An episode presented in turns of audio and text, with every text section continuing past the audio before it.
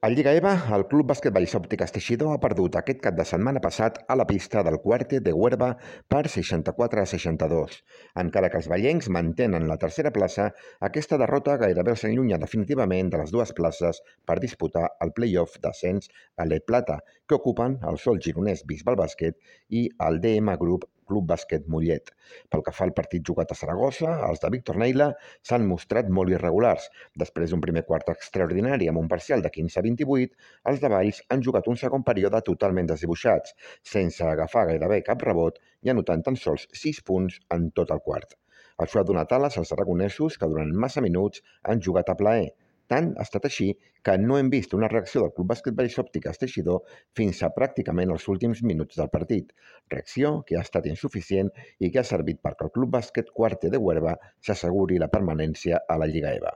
A falta tan sols de cinc jornades de la Lliga regular, el Club Bàsquet Valls Òptiques Teixidor, ja sense res en joc, tornarà a jugar fora i visitarà el pròxim cap de setmana la pista del Club Bàsquet Martorell, equip de la part baixa i que en aquests moments és tercer per la cua.